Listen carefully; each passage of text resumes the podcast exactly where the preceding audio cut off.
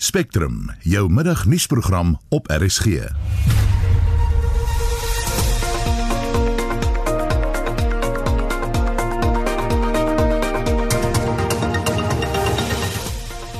die program die land kan nog net 14 dae finansiëel oorleef voor ons bankrot is. Ons praat met 'n ekonoom oor waarom hy so sê. Die Suid-Afrikaanse Maatskaplike Sekuriteitsagentskap SASSA het reeds meer as 750 000 aansoeke ontvang vir die uitbetaling van die werkloosheidstoelaag van R350. Ons sê ook al die inligting deur wat jy nodig het om aansoek te doen hiervoor. We need to then take your information and put it in this secured environment and vet and make sure that you actually don't have other grants from government. The idea is to get back to people within three days uh, for us to tell you that you've got this, that your application has been approved. En grootmaat wynprodusente sê hulle trek ook swaar onder die Grendelstaat. Produsente is onder baie druk om huidige internasionale ooreenkomste na te kom en terselfdertyd 2021 se ondernemings vas te teken. Hiermee het die 2020 oes ook in kelders arriveer en beplanning vir volgende jaar se oes is reeds ter sprake.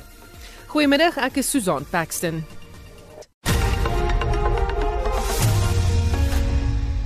So bykans 8 minute oor 1 jy luister na Spectrum. Die land kan nog net 14 dae finansiëel oorleef dan is ons bankrot. Dis die mening van die ekonom Dr. Rolof Botha van die Optimum Beleggingsgroep. Botha sê die president moet die inperkingsregulasies onmiddellik na vlak 3 afskuif.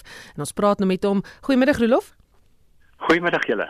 Wat sê jou berekening? Hoe lank kan die land nou uithou op vlak 4? Wel, ek moet daardie berekening nog uh, verfyn, maar net ter agtergrond vir die luisteraars. Ons moet onthou dat voor hierdie virus ons getref het. Lank voor hierdie virus ons getref het, was ons fiskale posisie reeds baie benard. So benard dat ons nou afgegradeer is deur al drie die uh, internasionale kredietgradeerders en ons sit nou met 'n um, begrotingstekort BBP verhouding met die mik baie vinnig na 7% toe. Hy kan nou baie vinnig na 10% toe gaan.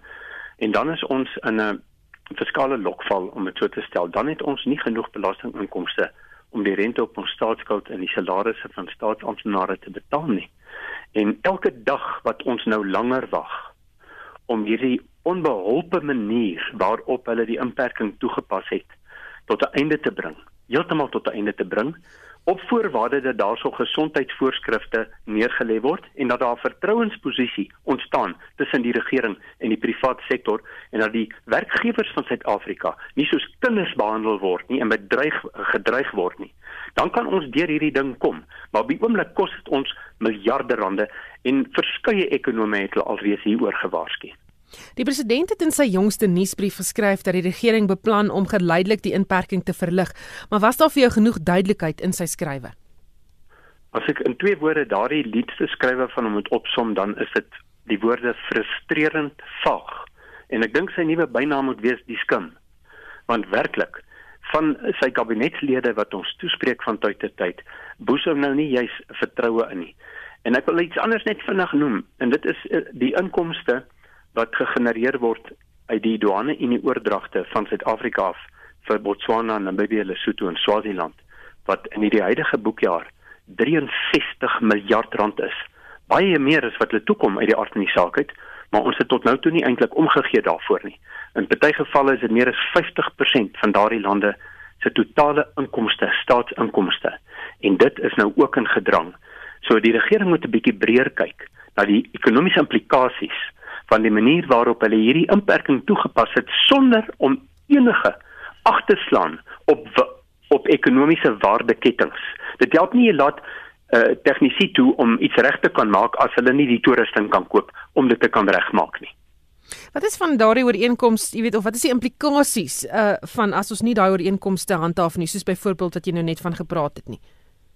Ja, kyk, die douane en die ooreenkomste staan al vir dekades lank en om een of ander rede het almal nog maar 'n jy weet hulle oor toegehou oor die feit dat ons betaal aan hierdie vier lande baie meer oor as as wat hulle toekom in terme van uh die invoere waarop ons belasting sê wat uiteindelik vir hulle bestem is. Uh want dit hou hulle fiskale situasie stabiel en in stand. En dit is nou sonder twyfel ernstig in die gedrang. Ehm um, en dit kan tot die bankrotskap van daardie lande aanleiding gee binne 'n oogwink. Wat veroorsaak die gebrek van inligting van die president en die minister tans? Ekskuus Susan, ek kan nie mooi gehoor nie. Wat veroorsaak die gebrek aan inligting wat aan ons verskaf word deur die president en die ministers tans? Ek ek vermoed dat uh, daar soos 'n verskeidenheid redes daarvoor en jy sal dalk ook 'n sielkundige moet vra wat daar aangaan want geen mens weet wat daar aangaan nie. En uh, dink jy uit 'n ekonomiese oogpunt maak die inperkingsregulasies sin? Nee, hoe genaamd nie. Ek meen dit is belaglik. Uh twee vinnige voorbeelde. Ehm um, 'n uh, uh, uh, uh, geweldige weerligstorm in Noordwes slaan baie boere se toerusting uit en selfoonversterkers die kontrakteurs mag dit gaan regmaak maar hulle kan nie toerusting kry nie. Nog 'n uh, uh, uitstekende voorbeeld is ons mag in elk geval nie in openbaar rook nie, nie dat ek nou self rook nie, maar ek simpatie en empatie vir mense wat rook, maar on, nou sê hulle vir ons ons mag nie in ons huise rook nie. Hulle skep 'n swart mark daarvoor, maar jy mag daggaplant blykbaar in jou in jou agterplaas. Ek meen hierdie is so absurd. Dit grens aan waansin die manier waarop hierdie inperking toegepas het en dit moet onmiddellik opgehef word. Die rand vaar ook nie goed nie. Wat sien ons daar gebeur en hoe gaan dit uh, ons ekonomiese herstel beïnvloed? Wel, op die oomblik uh, gaan dit eintlik nie te sleg nie want as ons kyk na 'n ander aanwyser wat vir jou 'n idee gee van wat met die rand kan gebeur, is dit die langtermyn effektekoers. Hy het nou met amper 300 basispunte teruggesak. Wat natuurlik fantastiese nuus is.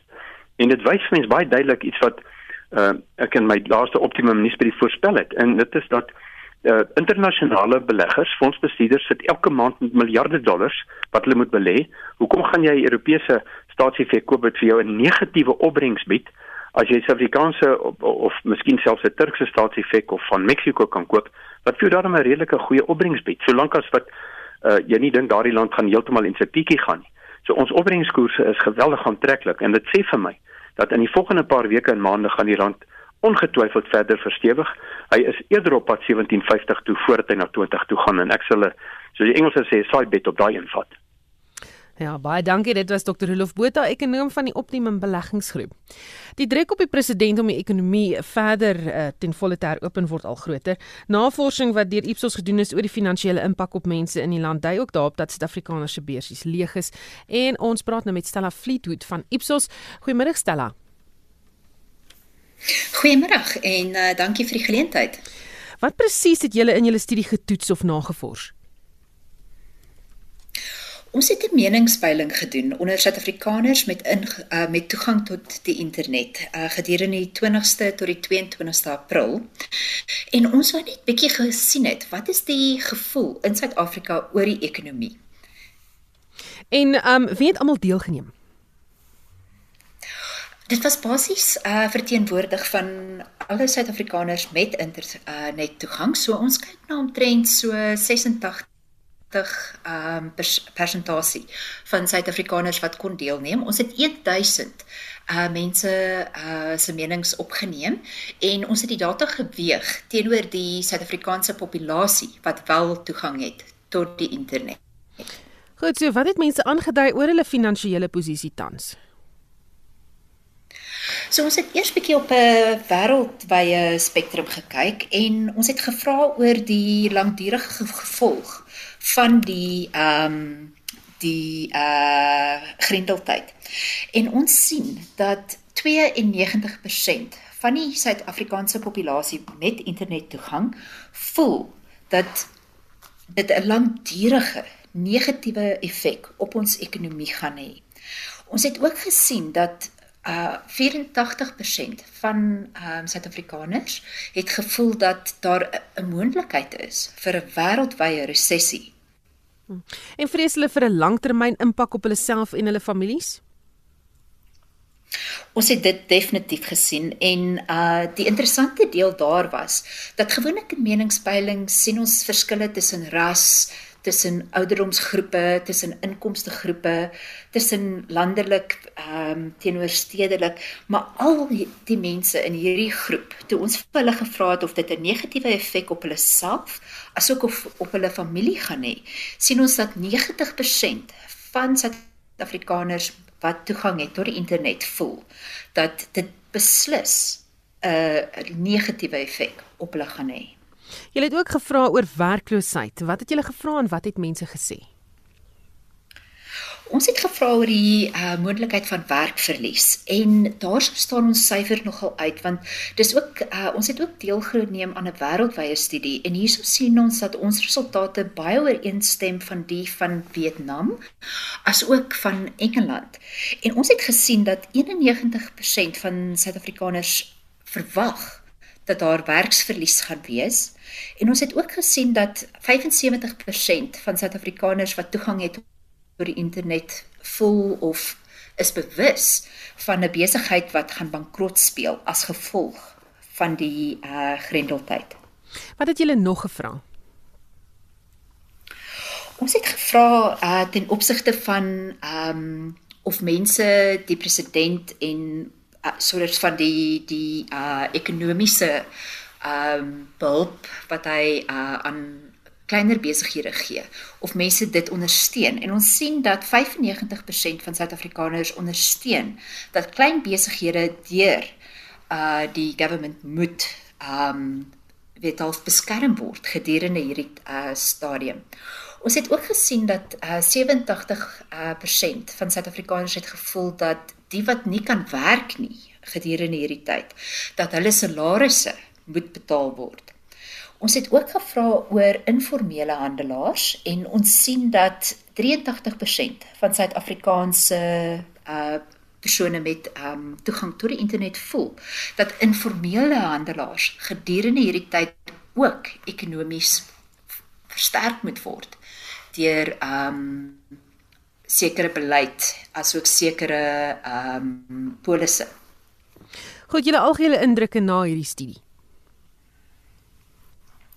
Ek dink dit is uh, baie interessant om te sien dat Suid-Afrikaners bietjie meer angstig is oor die ekonomie as uh respondente van uh, ander lande, byvoorbeeld uh Amerika, byvoorbeeld um Engeland. So dit dit wys nogal daarop uh dat Suid-Afrikaners op hierdie stadium dit baie stresvol vir hulle is teenoor ehm um, as ons kyk na uh, respondente van Italië, van Duitsland. Ek dink dit is definitief 'n uh, 'n kommerpunt vir die meeste Suid-Afrikaners op hierdie stadium. Baie dankie dit was Stella Fleetwood van Ipsos. Vir die volgende storie moet jy 'n pen byderhand hou vir die inligting wat ons gaan weergee. Die aansoeke is nou oop vir die spesiale noodtoelaag van R350 wat deur die regering beskikbaar gestel is. Die toelaag sal tussen Mei en Oktober die jaar aan mense betaal word wat daarvoor kwalifiseer.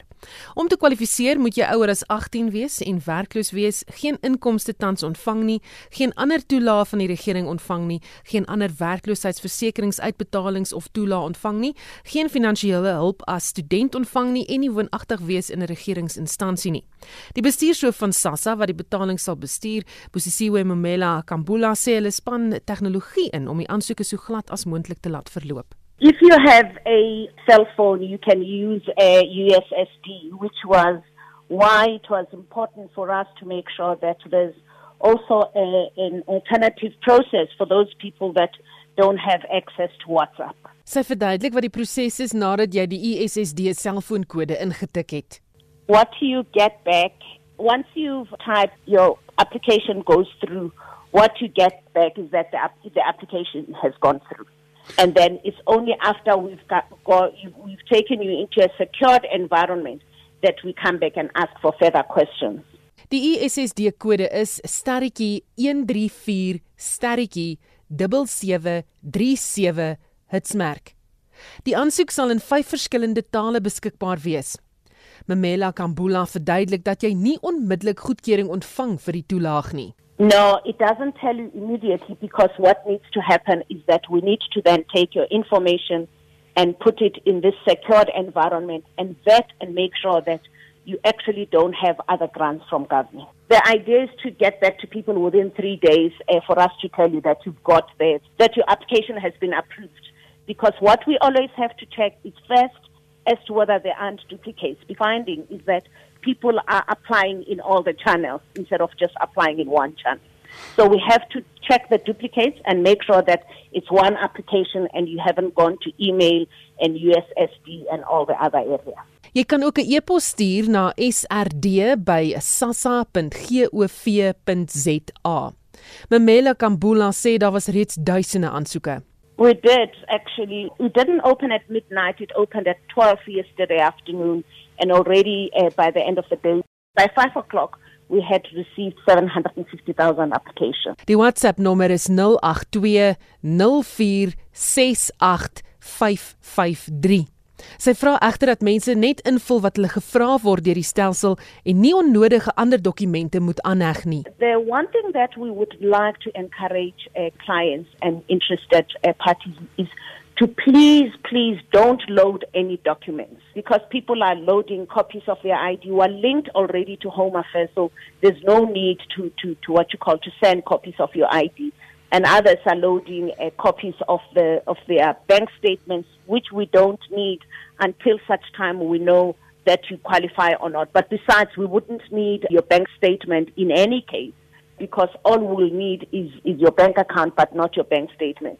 And loading proof of address, which is not necessary, as long as in your application process you indicate what your address is. Mamela Kambula sê hulle hoop die verskillende platforms waarop mense kan aansoek doen, sal verseker dat die stelsel nie ineenstort met die groot hoeveelheid aansoeke nie. Because we have a, a number of channels, this is what makes it easier for us in terms of disaster recovery because what we have is not only uh, uh, WhatsApp, we have USSD, we have email, and we're also going to have a, a, system on our website, which therefore makes it easier for people to go to alternative channels as one channel uh, becomes a challenge. So the DRP is critical.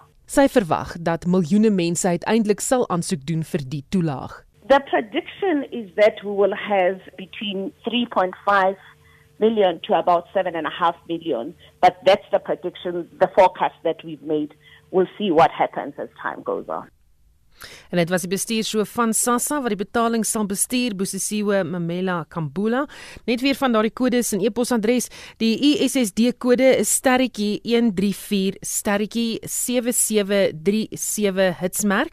Dis sterretjie 134 sterretjie 7737 hitsmerk en die e-posadres is srd@sassa.gov.za.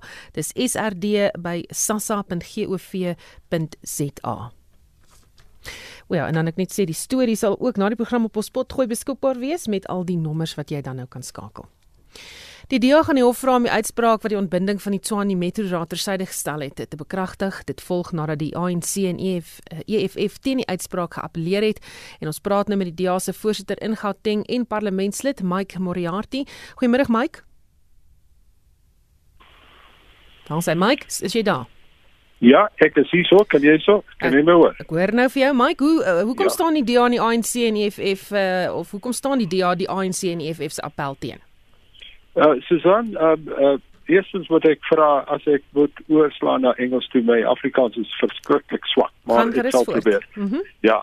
Uh die DA wil uh, ongrondwetlike staatsgreep begeer. Uh 'n munisipaliteit is 'n onafhanklike en gelyke regering in terme van die grondwet. Ons wil daai uh, beginsel beskerm. Die grondwet beoog wel koalisie politiek. Die oomblik as ons ophou om koalisie politiek beskerm, dan los ons die ANC uh, te net doen wat soos hulle wil. Maar ons sal nie die ja, ANC se onwetlike optrede so laat staan nie. Wat presies gaan die DA in julle hofstukke vra? Ons wil vra dat die hofuitspraak wat die Hoge Regshof twee weke gelede uh, gelede uh, gedien het, moet onmiddellik van werking word. En wanneer sal die hofstukke ingedien word en die saak aangehoor word? Uh Susan, um, ons sal wel die uh hofstukke môre indien en ons um uh hoor dat die uh saak kan op in uh, twee weke gehoor word. Die DA hou vol dat die ANC leierskap in Gauteng 'n suksesvolle staatsgreep uitgevoer het toe die Gautengse ALR vir samewerkende regering en tradisionele sake, dis nou Lebogang Mahile, die Tshwane Metro op 4 Maart onder administrasie geplaas het. Hoekom is dit julle mening? Ja, ons sien dat die ANC um, wil net uh, uh maak uh regerings onregeerbaar. Ons um, probeer om toegang kry tot hulpbronne ons um, uh, sien dat hulle uh, toegang wil kry tot mag en hulle is bereid om dienste lewering in Swane te vernietig om by mag te kry en om by uh, hulpbronne te kry. Hoekom hulle bewys dat hulle nie getrou kan word nie om te regeer nie. Hoekom is dit vir die DA dan nou belangrik dat die uitspraak deur die Gautengse regte president Dunstan Glambo bekragtig moet word? Ehm um, op die oomblik is daar 'n administreer uh, administrateur wat ehm um, uitvoer die dinge van die uh, raad. Uh en ons dink nie dat hy ehm um, kan uh, soos hulle in Engels sê be held accountable uh is only accountable to the MEC. Uh ons wil hê dat die raadslede uh, terugkom. Uh hulle is die mense wat die vir uh, wat die mense gekies het en hulle is wel uh, accountable. Wat gebeur in die tussentyd met die Tshwane Metro? Ehm um, daar is dienste wat uitgelewer word, maar ehm um, uh, ons hoor dat daar is 'n uh, um, uh, there's been a deterioration in the service delivery, um but it's carrying on until we succeed in court. Baie dankie, dit was die DA se voorsteur in Gauteng en parlementslid Mike Moriarty. Verpleegsters en ander gesondheidswerkers wat daagliks hulle eie lewens in gevaar stel in die COVID-19 stryd verdien om erkenning te kry. Dis die boodskap in 'n gesamentlike verklaring deur die Internasionale Raad vir Verpleegsters en die Internasionale Rooikruisvereniging om vandag Internasionale Verpleegstersdag te herdenk. Dit 'n klerk doen verslag? Meer as 90 000 gesondheidswerkers wêreldwyd, maar moontlik ter duisende meer, is reeds met die koronavirus besmet ten minste 260 verpleegsters is oorlede. Cristina Cadenas is 'n verpleegster by die Universiteit Hospitaal in Madrid, Spanje, een van die lande in Europa wat die ergste geraak word. Sy was een van 10 gesondheidswerkers in haar departement wat met die virus besmet is en 'n maand tuis moes spandeer om te herstel. No nos han cuidado nada. Nada. We all have a lot of contact with the patients because we are dealing directly with them. But I think that nursing assistants and nurses are more at risk because you deal directly with them practically your entire working day. You help them get washed, get dressed, and there's very close contact. Although my ward wasn't that complicated because it's a traumatology ward, there was an infected COVID 19 patient and we didn't know it. So I think that's where we all caught the virus. Sy's een van die gelukkiges om te kon herstel met huidige beramings dat honderde verpleegsters weens COVID-19 sterf. Die bedryfshoof van die internasionale raad vir verpleegsters, Howard Catton, verduidelik. In the last few weeks, we've seen the reports of the deaths of nurses increase from 100 to more than 260. The figure for healthcare worker infections rise from 23,000 to, we think, more than 90,000. But that's still uh, an underestimation because it's not every country in the world. We know that there are currently 3.5 million reported cases of coronavirus around the world. If the average healthcare worker infection rate, about 6% we think, was applied to that, the figure globally could be more than 200,000 health worker infections today. Daar heers voortdurende kommer dat die pandemie uitsonderlike druk plaas op mediese personeel en die gesondheidstelsels wêreldwyd, veral in kwesbare gemeenskappe. We are still receiving reports of shortages of personal protective equipment, uh, an issue not just for hospitals but for people in care homes or staff who are looking after people in their own homes as well. We believe that the lack of supply of personal protective equipment is related to the increase in infection rates that we have seen amongst healthcare workers. We think it's also high highlighting that countries around the world were just not prepared enough. Sommige gesondheidswerkers, soos die Brasiliaanse intensiewe sorgverpleegster Ednar Pereira, ervaar ook vyandigheid. Pereira is verbaal aangeval in 'n openbare bus in São Paulo. I was leaving the service and entering the trolley bus, and when I got on the trolley bus together with two nurses, The passengers were extremely shocked because I was wearing a shirt written nursing. Then someone said our contaminated ones got on the bus. What did we do? We went to the end of the bus. because people turned their heads and put on their masks thinking I was going to contaminate someone. Terwyl die internasionale dodetal tot 'n groot mate die tragedie van die pandemie demonstreer, verkies verpleegsters en gesondheidswerkers om op klein oorwinnings te fokus. By die Orange Hospitaal in Kalifornië het gesondheidswerkers gedans om die herstel te vier van 'n pasiënt wat 45 dae geveg het vir oorlewing. 'n Intensiewe sorgverpleegster van Nieu-Seeland wat in die Verenigde Koninkryke werk, Jenny McGee, is deur die Britse eerste minister Boris Johnson bedank nadat hy van COVID-19 herstel het. all of our intensive care shifts are really tough for whatever reason. Um, I think there was a, there was a lot of media interest about him being in hospital, and to be honest, that's probably was the toughest thing of the lot. Um, as a unit, um, he um, was just another patient that we were trying to do our best for, so um, it was business as usual. Ten spyte van die uitdagings wat hulle daagliks in die oë staar, is hulle helde wêreldwyd. Die verslag is saamgestel deur Sherwin Bryce Peace en ek is Estie de Klerk vir SAK nuus. So 1333, jy luister na Spectrum. Ewie Kronje, voormalig president van die Vrystaatse Cricket Unie en die pa van die voormalige Proteas kaptein, um, Hansie Kronje is gistermiddag oorlede, seker toe na die Springbokke destyds. Hy het kanker gehad. Kronje was 'n gerespekteerde sportadministrateur aan die Universiteit van die Vrystaat en 'n Afrikaanse cricketkommentator. En vir meer oor sy lewe praat ons met 'n oud spanmaat, Gerhardus Liebenberg. Goeiemôre Gerhardus. Hallo Susan. Jy het Ewie goed geken. Waar het julle vriendskap begin? Jong, ek wil hom net vir jou reg reg help. Ehm um, ek dink dit was net dalk 'n mis in, in interpretasie. Ek was nie 'n spanmaat, ek was wel Hansie se spanmaat. Oom oh. Ewie was ons spanbestuurder geweest. Nee, wat my my my kennis van hom Ewie ek was as 'n 18-jarige student het ek by die Universiteit van die Vrystaat kom studeer. Ehm um, van Kimberley afgekom en ek was definitief nie die enigste in die span wat as jy maar jou ouers huis verlaat en by die universiteit aankom, is vir die eerste keer maar is maar bietjie groot oog in die wêreld is wêreld is ewe skielik 'n wye plek.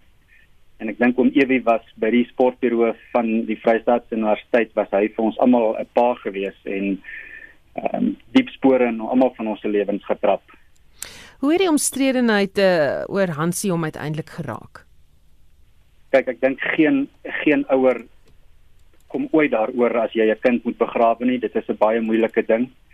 Ehm um, die hele omstredenheid het natuurlik 'n geweldige stremming op hom eween van die Sanmarie geplaas en dan ook op Frans en Hester wat nou broer en suster is en al sy vriende almal wat nou betrokke was by hulle het, het regtig maar swaar getrek onder dit. Mense wat dalk inligting het wat nie noodwendig uh, in die algemene publiek beskikbaar is nie wat jy weet van goed wat agter die skerms gebeur het. So ek ek sal graag wil dink dat ons op ons manier op maar van die sakke sout help eet dit en en help draad aan die swaar maar dit het definitief vir hom ewie ehm um, as Hansie se pa vir hom en tannie Sanmarie in besonder was vir hulle baie groot slag en iets wat hulle maar tot eind uit toe maar staan in hulle oë gekry het as hulle daaroor moes praat.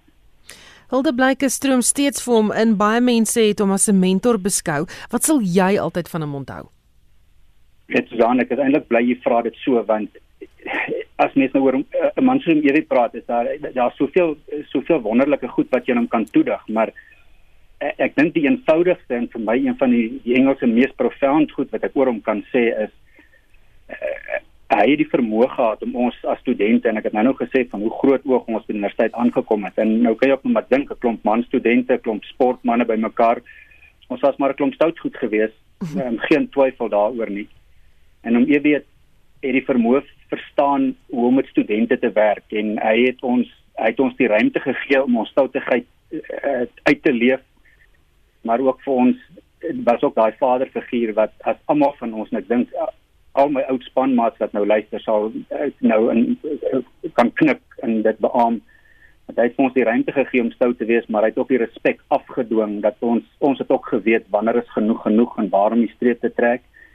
En dan wanneer ons uitgevang is en waar ons nou regtig droog gemaak het het hy dit op so 'n manier gedoen dat jy nooit maar nooit vir hom respek verloor het en ek dink gisteraand het ek so met een van my ou spanmaats gepraat en ons het eintlik nie veel te sê gehad nie. Ons het eintlik maar net so op in stilte en daaroor gesels en teruggedink. En ek dink ons albei jy besef maar net een van die groot bome in die woud het omgeval Baie dankie. Dit was Gerhardus Liebenberg, oud spanmaat van Hansie Kronee en vriend van Ewie Kronee.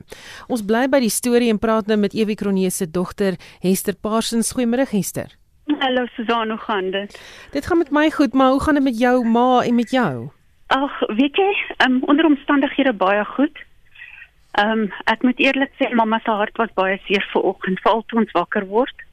Maar hoe sy se werk merkwaardige vrou en so sterk vrou en sy het pappa so gedra. En ek sê dankie vir die geloof wat hulle het en ek dink dit dit dra regtig.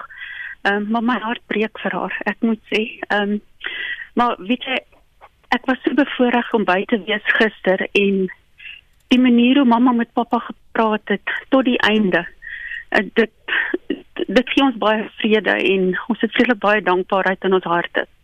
En ek dink jy weet die die relationship of die die skiet vir die Engels, die relationship tussen mamma en pappa is, is so mooi geweest en ek kan vir jou sê tot die laaste asempie. So my mamma is regtig dit dit gaan goed met mamma onder omstandighede. Sy sterk en ons is dankbaar vir hoe alles uitgeloop het op die ou einde. Hoe voel julle as familie, jy as dogter oor die medelee wat van heinde en verre instroop met almal wat hierdie mooi woorde oor hom sê? Ons is regtig, weet jy, die die dankbaarheid, ek dink nie ons kan beskryf nie en ek dink nie ons het ooit besef dis alles so daai tyd met Hans, jy weet mens besef nie wat iemand vir iemand anders beteken tot so iets nie gebeur nie en die oproepe, die boodskappe, ons ons kry skaam en ons voel baie sleg. Ons kan nie almal dadelik beantwoord nie. Maar ehm um, ons het regtig duisende oproepe, boodskappe en ons ons is regtig vreeslik dankbaar teenoor al die mense.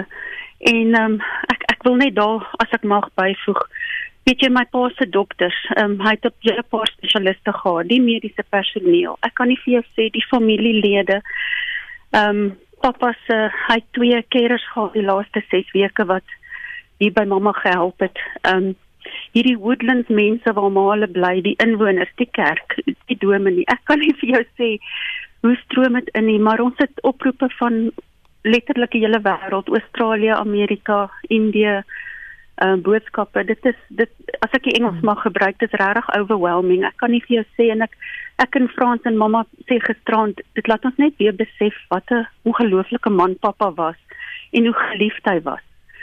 Ehm um, so ons ons is regtig dankbaar. Esther, beskryf Evie Kronia se pa, wat sal jou altyd bybly? Daar's nie woorde nie. Ekskuus, maar ek emosioneel. Ehm um, wat sê ek oor iemand soos hy? Hy het so baie vir my en vir ons beteken.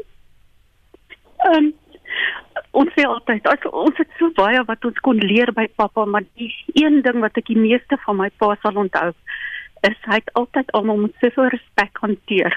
Ons maak nie saak wie jy is nie, hy het soveel respek vir mense gehad en die liefde wat hy vir mense gewys het. Um, papa het altyd tyd gemaak vir almal.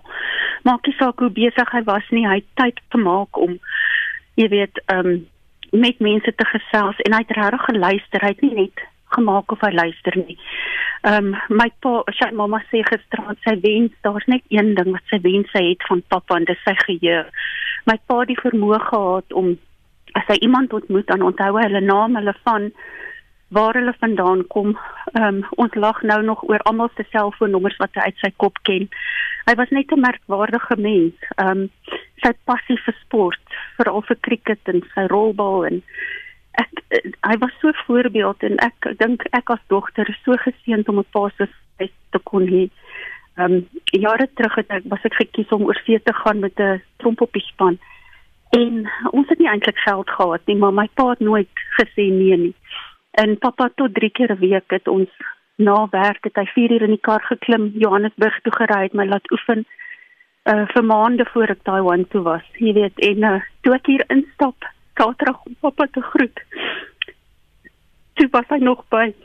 Toe sê ek vir my spa, ons het almal lekker gery Taiwan toe en hy het so gelag want ons exhaust het nog afgeval. Jy weet ek ek kan nie ek kan nie vir jou beskryf die die liefde van my pa vir sy kinders dit was net ongelooflik. Esther, baie dankie dat jy 'n tydjie afgeknyp het om met ons te praat onder hierdie baie moeilike omstandighede. Ek hoor dit is vir jou moeilik om te gesels. ja, maar ehm um, en dankie dat jy jou jou jy weet al jou herinneringe met ons deel. Dit is baie persoonlik ehm um, en baie sterkte aan julle familie. Ons ons dink almal aan julle. Ons waardeer dit Susan. Mag ek net as, as iemand luister sê ons het besluit ehm um, as gevolg van omstandighede met die lockdown gaan ons nie 'n roudiens of 'n begrafnis hou nou nie. Hmm. Ehm um, ons kan nie mamma sê ook hoe hoe kies jy net 50 mense en jy weet ehm um, so ons gaan nie nou iets hou ehm um, so 'n roudiens gedurende lockdown. So hmm. ons wil net sê baie baie dankie aan almal vir hulle boodskappe en gebede. Ons sê baie dankie dit. Deer, dankie Susan. Dankie Esther, dit was Esther Parsons wat met ons haar emosionele uh, herinneringe gedeel het van haar pa. Mooi gedagtes daar wat sy gedeel het. Evie Kronee se dogter Esther Parsons wat met ons gepraat het. Hy is oorlede gister. Ons gaan bly by eh, sportnuus en hier Shaun Jooste met sportnuus. In rugbynuus. Volgens berigte in die media kan die Pro 14 reeks teen 22 Augustus hervat word en die eindstryd teen 19 September afgehandel word, maar die Cheetahs en Kings se deelname is egter in gedrang. Spanne in dieselfde land sal in Augustus te mekaar speel, terwyl die halfeindstryde vroeg in September kan plaasvind. Onvoltooide wedstryde sal as gelykop uitslaa verklaar word. Dit beteken dat die Cheetahs en Kings in tuis- en wegwedstryde te mekaar sal kragte meet, maar rugby in Suid-Afrika word eers van inperking vlak 1 af toegelaat en daar is geen aanduiding wanneer dit sal gebeur nie. Suid-Afrika is heidaglik op vlak 4 wat op 1 Mei begin het. Die Cheetahs is 4de in afdeling A en die Kings heel laaste in afdeling B op die Pro 14 punteleer. En laastens, die voormalige All Black losvoorspeler Jerome Kine sê hy is van plan om sy toks aan die einde van volgende seisoen op tang. Die 37-jarige Nieu-Seelander het in 2018 by die Franse klub Toulouse aangesluit en hulle tot die top 14 titel verlede seisoen gelei. Hy sal ook graag die Europese Kampioenskapsbeker wil lig. En Toulouse het na die kwartfinale deurgedring voor die koronaviruspandemie wedstryde opgeskort het. Hy word ook met 'n rol in hul afrigtingspan verbind. Kaino het 81 toetse vir Nieu-Seeland gespeel en is 'n tweemalige wêreldbeker wenner in 2011 en 2015. Shaun Jooste met ons eh, sportnuus daar. Die restaurantvereniging van Suid-Afrika het voorgestel eh, by of 'n voorstel by die regering ingedien om mense toe te laat om self kos by restaurante te kan gaan oplaai. Die vereniging wil ook hê dat deurry restaurante moet oopmaak. Ten spyte daarvan dat restaurante die afgelope week kos mag aflewer, gaan die bedryf gebuk onder swaar finansiële verliese, 'n uh, verlieste. En ons praat nou met die bedryfshoof van die restaurantvereniging Wendy Albers. Goeiemiddag Wendy vir julle tyd vandag. Mean die restaurante kan sê dit verlede week kos laat aflewer, maar kan die inkomste wat hulle hieruit verdien hulle ondernemings van ondergang red? Dis korrek, ons sukkel vreeslik met die restauranteurs op die oomblik. Ehm um, daar's uh, geen finansiële ehm um, ligting vir ons nie en ons het uh, vir government gevra nou dat hulle moet nou streng ehm um, wees en dat hulle moet nou vir ons help om die restaurante weer oop te maak vir ehm um, drive-through en vir ehm um, collections. So wat presies behels die voorstel? So um, we've obviously been trading, as you well know, for just over a week now, and it's a financial suicide for a lot of our restaurants that are just operating with the deliveries only. Um, in a financial space where we're doing 20% of 100% of turnover, around about 42% of that less our cost of sales is going to third-party deliveries. So our restaurants are theoretically uh, working for 18% of uh, turnover in a week to try and pay their staff. So it's really not viable for us at all, and we haven't even started paying rent or any other expenses that the restaurant is responsible for. So when we look at this uh, financial model, it's just certainly not sustainable. We also have a large demand from frontline workers and health workers and essential workers that are on the road that they're also being prejudiced that they're not able to collect a meal from our restaurants. So there's a lot of um, uh, demand from the consumer to be able to collect their takeout extension from their, their shopping trip. You know, the retailers are open, they're open for winter clothes, but you can't. You and collect a bunch of flowers, but you can't collect a meal from a restaurant. So we've submitted a um, submission, quite an extensive submission to um, government to insist that they allow us to open for collections and drive-throughs. We are waiting for some promising news in the next day or so on that. And that will also help us to get further staff back to work because, as you well know, we've still had no relief from the UIF. Gepraat daarvan, wat sê die mense? Kan hulle aansoek doen, kry hulle geld, kry hulle nie geld eh, van die werkloosheidsversekeringsfonds af nie? So the administration process for the UIF has really been diabolical. We've appealed at, at great extent to the UIF, and I managed to get uh, confirmation today from the commissioner that he will personally invest his time today to review all the unpaid um, UIF claims that we've got and to ensure that uh, those particular restaurants that did submit those um, UIF claims are also compliant. So it's important that both restaurant is compliant and that the UIF takes responsibility where there's been an administration error on their part. So we are certainly going to work together over the next couple of days to ensure that we can get these uh, UIF claims paid out and Ireland assist the UIF to ensuring that the restaurants uh, complete the forms if there is a mistake on our side. But what we're saying is now it's going on eight weeks where staff have not had relief from the UIF. Um, it's putting a lot of pressure on them to feed their families. We've got a lot of um, staff that are threatening our restaurants here. And this really leaves us in a very, very difficult position to be able to support and to be able to feed the people that work in our restaurants. So we've, we've made the appeal and we're hoping that they will satisfy our needs in the next couple of days and to be able to start pressing the green button to release the UIF payments. Wendy, julle gaan ook vra dat uh, restaurante vir aansit etes kan oopmaak. Hoe gaan die veiligheid van klante verseker word? It's absolutely a safe and uh, very um, health and hygienic way to be able to do curbside collections. In fact, it's contactless, so there's a limited amount of contact with the the person. You know, in a in a delivery or a third party delivery um, person, there's been several points of contact when with staff within within the restaurant doing the the collection of the food and two, also delivering it to the consumer's home. So contact collections are very um, safe and um, very dynamic to be able to put to test within the health and, and hygiene space.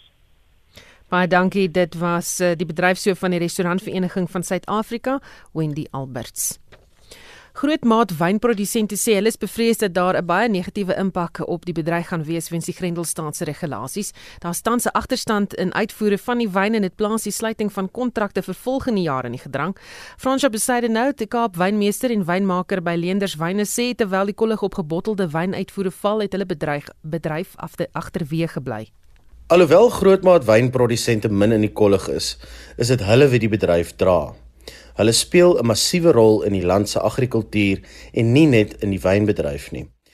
In vlak 4 is uitvoere weer toelaatbaar, maar bestellings is in agterstand.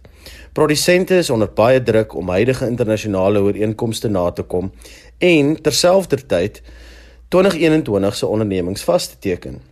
Hiermee het die 2020 oes ook in kelders arriveer en beplanning vir volgende jaar se oes is reeds ter sprake. Die dilemma hier is 'n eenvoudige toevoer teenoor aanvraag situasie. Suid-Afrika het te veel wyn en kan dit nie plaaslik verkoop nie. Uitvoer is toegelaat, maar die ophoping by hawens maak dit moeilik om die wyn betyds oor see te kry. Verpakkingsprosedures gaan voort, maar weens die inperking is minder mense aan diens by fabrieke en bottelleringsaanlegte. Die vroegste wat ons ons nuwe wyne oor see kan stuur, is dus nader aan Augustus. Die langtermyn neeweffekte van die pandemie is sy invloed op die grootmaat wynvoorraad se dalende pryse. Maak nie saak of die wisselkoers verbeter het nie. Oorseese kopers is bewus hiervan en vra om in Suid-Afrikaanse rand gefaktureer te word, nie in dollar of euro nie. Na al die skawing van wyn se randwaarde, is dit die produsent en die wynboer wie nog meer strategies moet werk om hul produksielyn en hul plek in die internasionale mark te onderhou. En dit was Fransjo Besaide net Kaap wynmeester en wynmaker by Leenders Wyne. Nog niemand is in hegtenis geneem vir die brand 'n week gelede waarna 'n inwoner van Seepunt in die Wes-Kaap se motor vernietig is nie. Beeldmateriaal wys dat twee mense op 'n motorfiets vermoedelik die brand gestig het. Pieter Wagenaar is glo deur lede van 'n plaaslike Facebookgroep geteiken en gedreig omdat hy hawelose mense kos gee. Die Wes-Kaapse polisiewoordvoerder, Sersan Noloyuso Rwexana, het die voorval bevestig en sê hulle ondersoek 'n saak van kwaadwillige sakebeskadiging. Wagenaar sê die polisie het vinnig gereageer.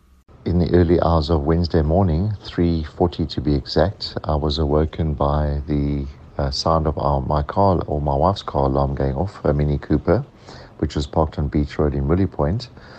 and I looked out the window and realized that the car was set alight. So it's transpired basically that someone had um, sent somebody clearly to set the car alight um, to basically destroy the vehicle. Wagenaar glo die gemeenskap het die brand gestig. We don't know what the exact reason is for someone wanting to do such a malicious act. It actually saddens us um, that, that someone would stoop that low. But be that as it may, we really don't know. I guess it's maybe trying to send a strong message to kind of discourage us to from serving homeless people meals in the local neighborhood. Everybody's happy if, if a person does these sort of charitable deeds, but as long as it's not in their neighborhood, especially in the more affluent areas. But be that as it may, uh, the folk that are being served are very much local to the area and living in and around the beach road of Millie Point going up towards the stadium. Volgens Wagenaar het die polisie ook beeldmateriaal van die verdagtes. We've since opened up a case with SAPS, and I must say they've taken it very seriously. You know, naturally, these sort of things don't happen every other day in the more affluent suburbs of Cape Town. So they've really taken it very seriously, and I must commend the station commander, um, Colonel Moton at SAPS Sea Point, for doing a sterling job with her leadership and getting a team on board. And they've already had the forensics people out since then, and they've managed to get some very valuable footage from some of the CCTV cameras and other overhead cameras in and around, um, showing, showing and detailing the two uh, folk on the motorbike. Wagenaar sê die voorval gaan hulle nie keer om steeds kos aan hawelose mense te gee nie. Once the flames were extinguished from the of the vehicle, um, we had some kind words from some of the neighbors. Uh, we've got tremendous support in the area. I must say, unbelievable support um, coming in forms of donations and some folk giving monetary contributions towards uh, the meals that we prepare for them.